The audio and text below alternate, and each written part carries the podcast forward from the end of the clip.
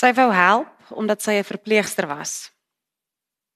Toe het sy saam met 16 ander vrywilligers in 'n kliniek in 'n oorloggetuisterde land gaan werk. 16 uur werksdae vir 2 weke en toe die kliniek sy deure gesluit. So op pad na die bus toe wat hulle nou sou terugvat na waar hulle slaap, het sy so om haar gekyk en het gesien daar's nog honderde, honderde mense wat so seer en stikkend is. En sy het begin huil van magteloosheid. Een van die ander vrywilligers het haar gevra, "Maar wat is fout?" En sy sê net het ons 'n duik gemaak. Het ons enigsins enigsins gehelp? Het ons enigsins 'n verskil gemaak? Terwyl sy so trane afvee, was hulle amper by die bus besig om in die bus te klim en 'n ouerige man het nader gekom en haar gestop en sy dadelik sy gesig herken. Dit was die man wat 2 weke van tevore net toe sy daar aangekom het, een van haar eerste pasiënte in die kliniek ingekom het met 'n baie erge infeksie van 'n wond wat hy as gevolg van die oorlog opgedoen het en hy was amper dood.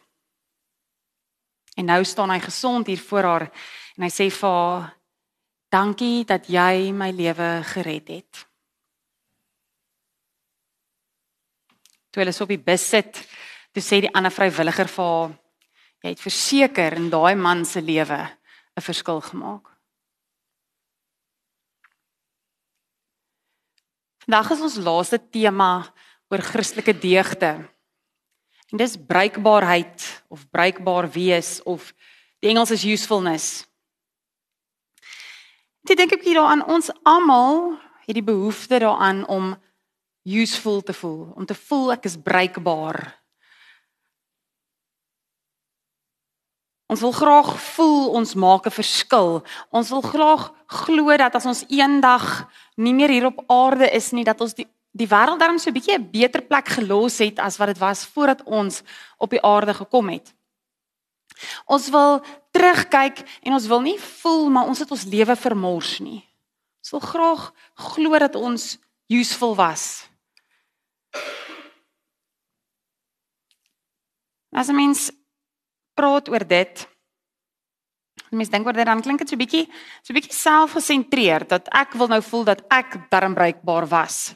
Dit voel so bietjie of 'n mens jy soek vir daai pat on the back. Jy soek vir iemand wat vir jou sê dit was nou nogals oulik. Jy weet dit was nou dit was nou goed, verstaan?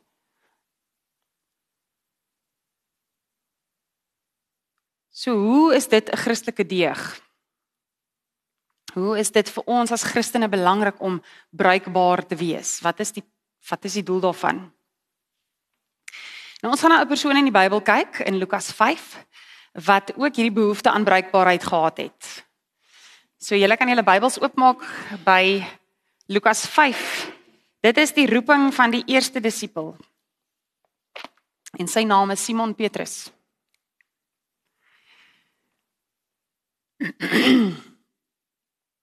Hier is nogals een van daai stories in die Bybel wat ek al baie keer myself probeer in Petrus se skoene probeer sit het en gedink het hoe sou ek gereageer het. Maar kom ons lees dit. Lukas 5 vanaf vers 1 tot 11.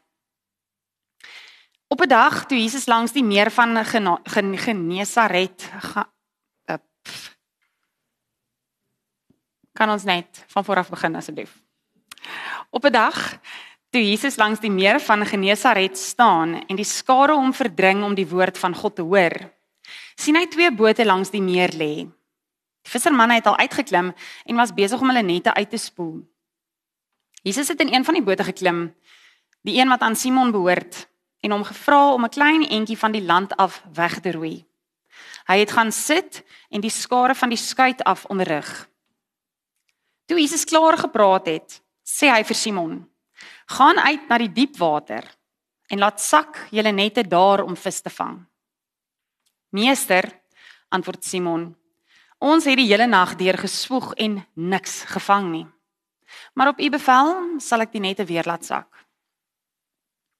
En toe hulle dit doen, het hulle soveel vis gevang dat die nette wou skeur. Hulle het vir die makkers in die ander boot beduie om hulle te kom help. Toe hulle daar aankom, het hulle albei bote so vol gemaak dat dit begin sink het. Toe Simon Petrus dit sien, val hy voor die knieë van Jesus neer en sê: "Gaan weg van my af, Here, want ek is 'n sondige mens." Verwondering het hom en almal saam met hom aangegryp oor die groot klomp vis wat hulle gevang het. Jakobus en Johannes, Zebedeus se seuns wat saam met Simon gewerk het, was net so verbaas. Jesus het egter vir Simon gesê: Moenie bang wees nie. Van nou af sal jy mense vang. Nadat hulle die boot op die strand getrek het, het hulle alles gelos en hom gevolg. Net tot sover.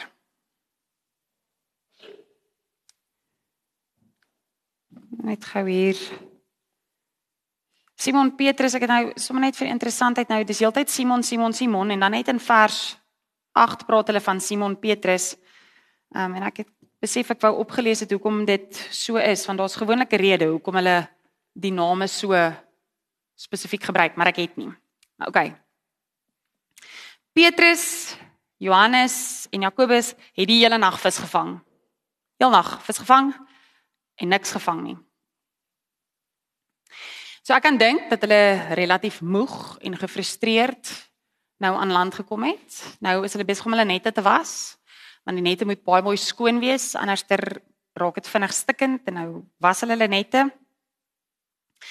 En hier kom Jesus en hy klim op Simon se boot en hy gebruik dit vir 'n tydelike verhoog. Hy vra vir hom, "Gaan net so eentjie van die see af, ag van die van die kuslyn af en dan wil ek asseblief jou boot vir 'n verhoog gebruik." En Simon Petrus doen dit. Hy klim in sy boot, hy vaar die boot so entjie weg dat Jesus dit vir 'n verhoog kan gebruik, dat hy met die mense kan praat. Nou sien ek nou die prentjie vir Simon Petrus wat daar in die boot sit. Ek glo dit was baie interessant om na Jesus te luister. Maar as jy heeldag vis gevang het, het hy teen die nou in die boot ook gesit en vis vang. Né? Nee? Jy ken daai ons het nou toe ons die laaste keer gevlieg het. Dit was my verskriklik snaaks.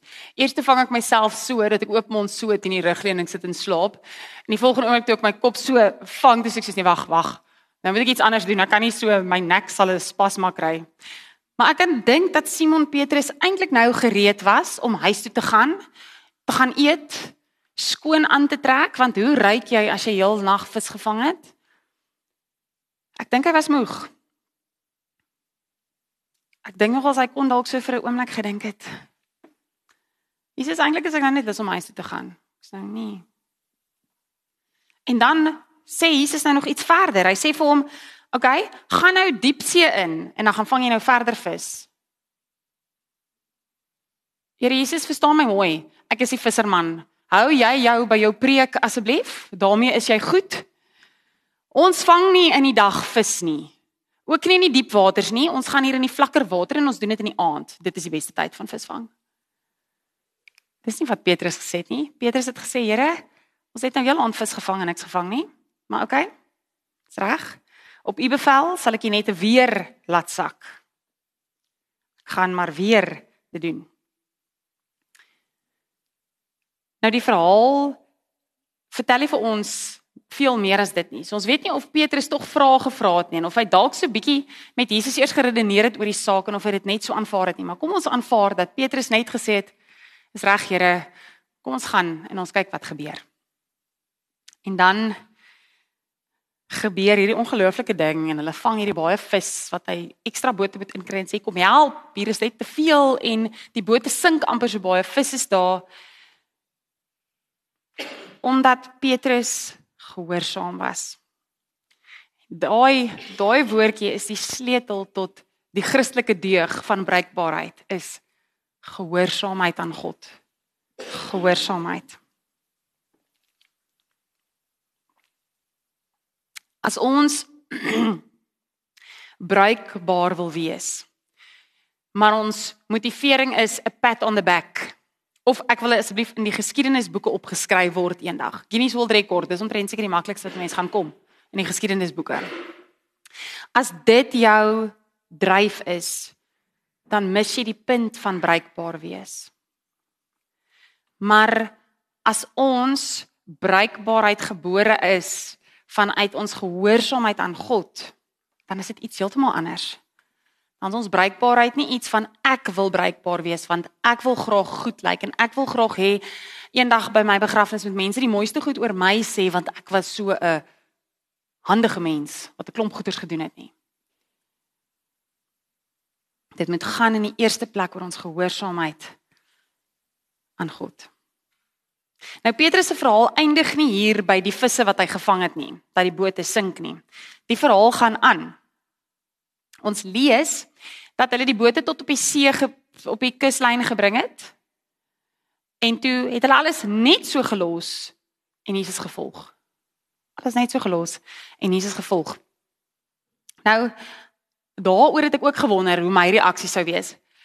Simon Petrus was 'n visserman. Dit was sy werk. Dit was sy lewe. As jy nou, dit is so goed om die lotto te wen. Jy het nou finansiëel baie swaar gekry. Hulle het vir 'n hele nag lank niks gevang nie. Nou wen jy die lotto. Jy wen twee bote vol vis. En dan sê Jesus vir jou, "Oké, okay, volg my nou. Los nou daai vis wat ek nou net so pas vir jou gegee het. Los alles net daar en volg my." Twitch Twitch Twitch. Here, kan ek net gou eers die vis gaan verkoop en vir my gesin die geld gee vir die vis en dan sal ek agter jou aangaan nie? Asseblief, Here, gee my net gou 'n bietjie tyd. Nee, toe God van sê volg my, het hy dadelik gegaan. Hulle het dit goed gelos en gegaan want Jesus het vir hom gesê nou gaan jy 'n visser van mense word. Dit is gehoorsaamheid op heeltemal 'n ander vlak as wat ek verstaan. Dit is wow. En soms so net so on the side, toe ek nou hierdie skryf oor bruikbaarheid en ek dink oor wat Petrus hier doen, toe wonder ek oor bruikbaarheid en ek wonder oor ons gemeente en ons familie en ek het so vir 'n oomblik gevra as ons gemeente nou net skielik sou wegwees. gaan iemand ons mis? Maar die belangriker vraag is is ons as gemeente so gehoorsaam aan God dat as ons skielik net sou wegwees dat hy ons sou mis hier waar ons is. Maar dis net 'n side note, iets om aan te dink. As ons nou na hierdie verhaal van Petrus kyk, is daar sekere merkers wat ons kan help om om vir ons te wys hoe moet ons bruikbaar wees deur gehoorsaamheid. en daar's se vyf goeders wat ek wil noem. Die sleutel tot vryheid lê in gehoorsaamheid aan God. Nou ons wat in 'n westerse wêreld leef en bly, Ons is die Engelse woord is liberated. Ek hou van die woord. Ons is liberated. Wat is die mooi Afrikaans? Bevry. Ons is bevry. Ja, maar dit is liberated is net 'n beter woord. We are liberated, né? Nee? Laat ek nou lekker slegte Engels praat. We are liberated. So ons sê, dit beteken as daar 'n reël is, gaan ek hom uitdaag as ek nie met daai reël happy is nie.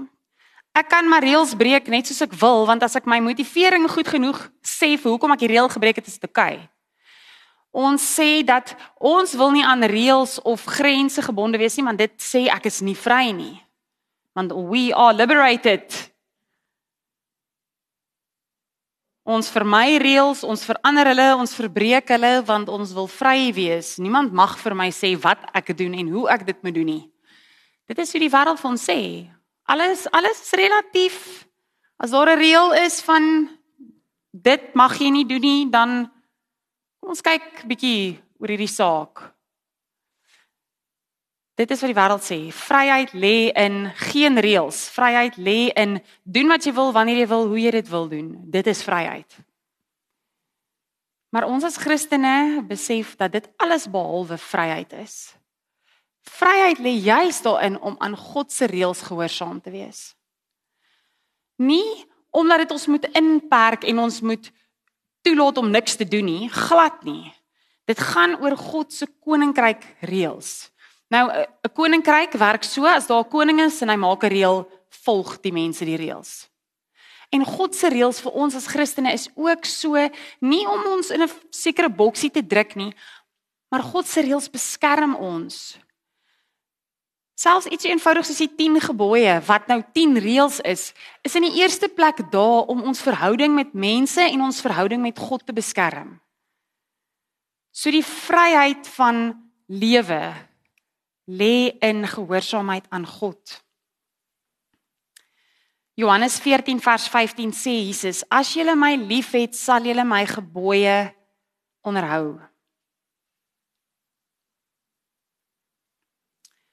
OK, dit is die eerste een. So ons is vry juis wanneer ons gehoorsaam is aan God.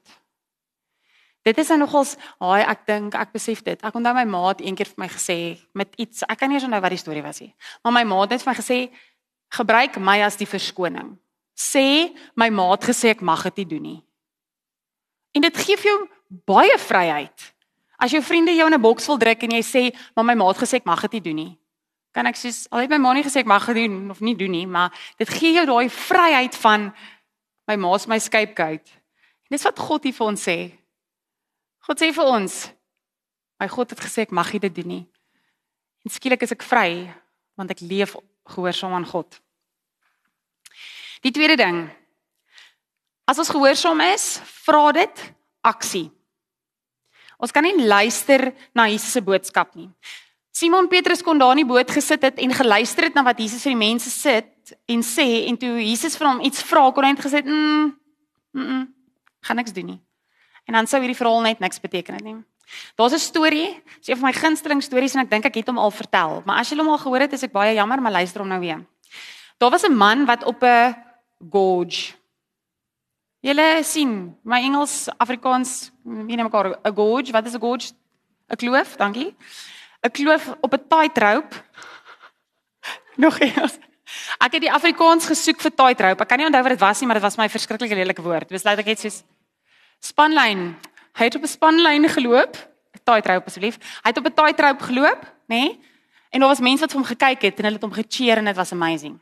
Toe gaan vat hy 'n krywa en hy laai 'n klomp sement sakke sement in omtrent so swaar soos 'n man, 'n gemiddelde man. En hy loop weer met daai sak sement oor die tightrope met daai krywa en hierdie mense is net in verwondering dat hierdie man dit kan regkry.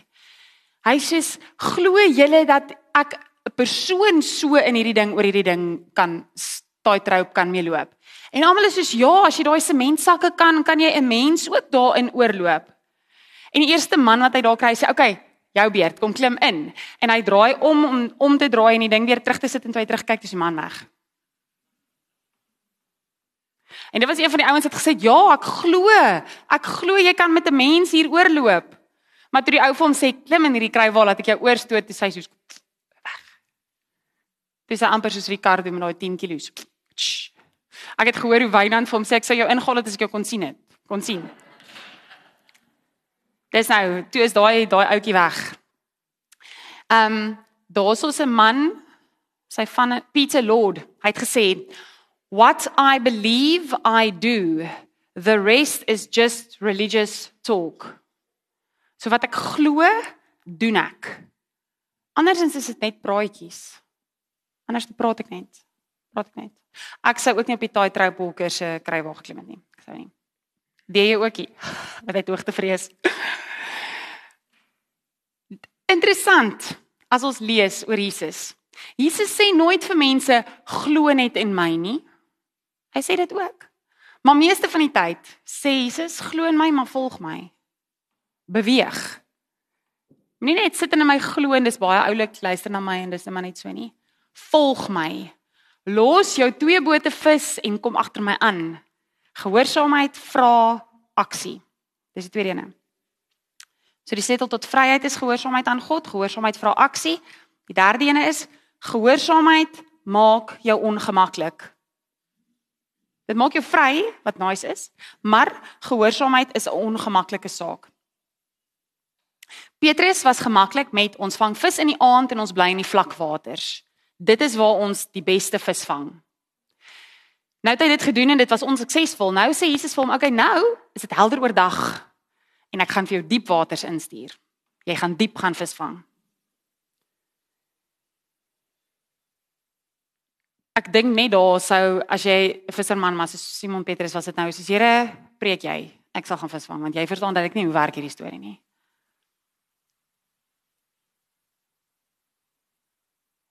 God se oproep tot on, tot gehoorsaamheid nie ongehoorsaamheid tot gehoorsaamheid vra dikwels van ons dat ons moet kansse waag. Dat ons moet goed doen wat ons ongemaklik maak. Dat ons uit ons gemaksones moet uitgaan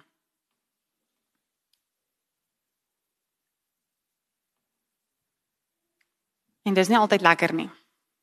Maar dis nodig om gehoorsaam te wees aan God is om daai ongemak mee saam te leef. Ek sê altyd vir myself ook in my bediening in die, in my werk wat ek doen, as ek gemaklik raak en ek dink sien ek se goeie dominee hoor. Dan sit dit rooi ligte. Nee, wag nou ja. Wow, wow. As ek gemaklik raak in my verhouding met die Here dan moet ek weet. Hm, is ek besig om vir God te luister en iets te doen en aktief God te luister of is ek net besig met religious talk? Dit is die derde een, gehoorsaamheid maak 'n mens so 'n bietjie ongemaklik. Die vierde een. Gehoorsaamheid vra dat ons partykeer goed moet doen wat nie sin maak nie. Dat ons moet doen wat Jesus vir ons vra al kan jy nie sien dat hierdie ding wat nou oor jou pad kom enigsins sin maak nie. Dit was vir geen visserman die logiese keuse om terug te gaan in die see en weer te probeer visvang nie. Veral nie as die nette nou net skoon gemaak is nie. Ek dink daai is amper die ding wat my die meeste gooi. Hulle het nou net hulle nette gewas, al daai moeite gedoen en nou moet hulle weer die nette gaan vuil maak. Nee, Here, asseblief nie. Ek het nou net alles mooi skoon gemaak. So dit het nie sin gemaak dat Jesus vir hulle sê gaan vang nou weer vis nie. Maar Petrus sê Iemand het dit vir my so mooi verduidelik. Hulle sê ons ry in 'n kar in die aand. En wat ons van die lewe verstaan is dit wat jy in jou hoofligte kan sien. Net daai bietjie wat jy in jou hoofligte kan sien. Ek onthou altyd ons in Prieska gebly het en jy daar in die aand gery het. Dan as jy die aand gery het van Kimberley af Prieska toe of aan die kant toe om en jy soos ek het een kudu gesien nie, dan sê mense nee nee nee, jy het hom net nie in jou ligte gesien nie. Daar was baie van hulle. Jy het net nie dit in jou ligte gesien nie.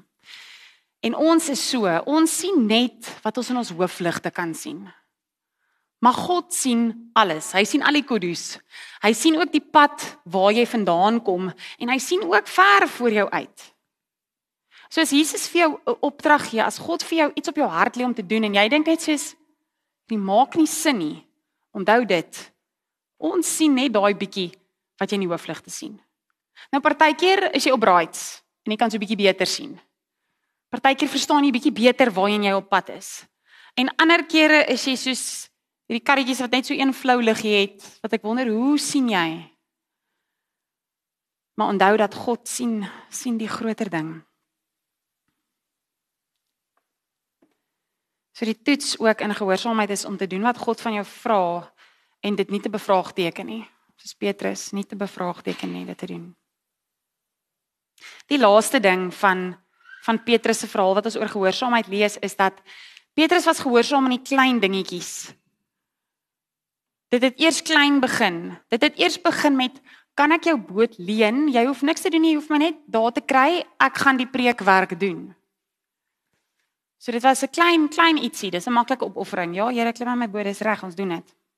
Toe raak dit 'n bietjie meer. Toe raak dit 'n geval van nou moet jy vis vang en jy weet vir jou heilige siel, dit is nie nou 'n goeie tyd hier, dit gaan nie werk nie. Dis 'n bietjie meer ietsie groters waar Petrus God moes vertrou het. Of gehoorsaam moes aan moes wees. En dan die laaste, die laaste groot gehoorsaamheid wat Petrus moes doen is om daai goed te los en nou 'n visser van mense te word. Maar dit begin by klein dingetjies. En ons verwag baie keer om hierdie groot goed vir die Here te doen. Of dit is die ding wat ons soos ons wil groot goed vir die Here doen. Maar voordat ons nie in die hier en nou in die alledaagse werk met jou mense in jou huis gehoorsaam is aan God en lief is vir jou naaste nie, kan God jou nie bring op 'n plek waar jy vir hom groot goed doen nie. Want nog lank voor die belangrike groot goeders is daai klein goedjies belangrik. Dit was net so crucial belangrik dat Petrus daai boot vir Jesus leen as wat dit was vir hom om saam met Jesus te gaan. Wees gehoorsaam aan die klein dinge. Sleutel tot vryheid is gehoorsaamheid aan God. Gehoorsaamheid vra aksie.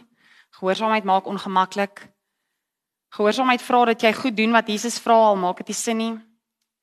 En dit vra ons moet gehoorsaam wees in die klein dingetjies. Ek wil afsluit met 'n laaste gedagte. Die boot. Die boot in hierdie verhaal is 'n belangrike ding. Die boot is Petrus se brood en botter. Dit is sy leef, sy lewe. En dit is waar God hom gaan ontmoet.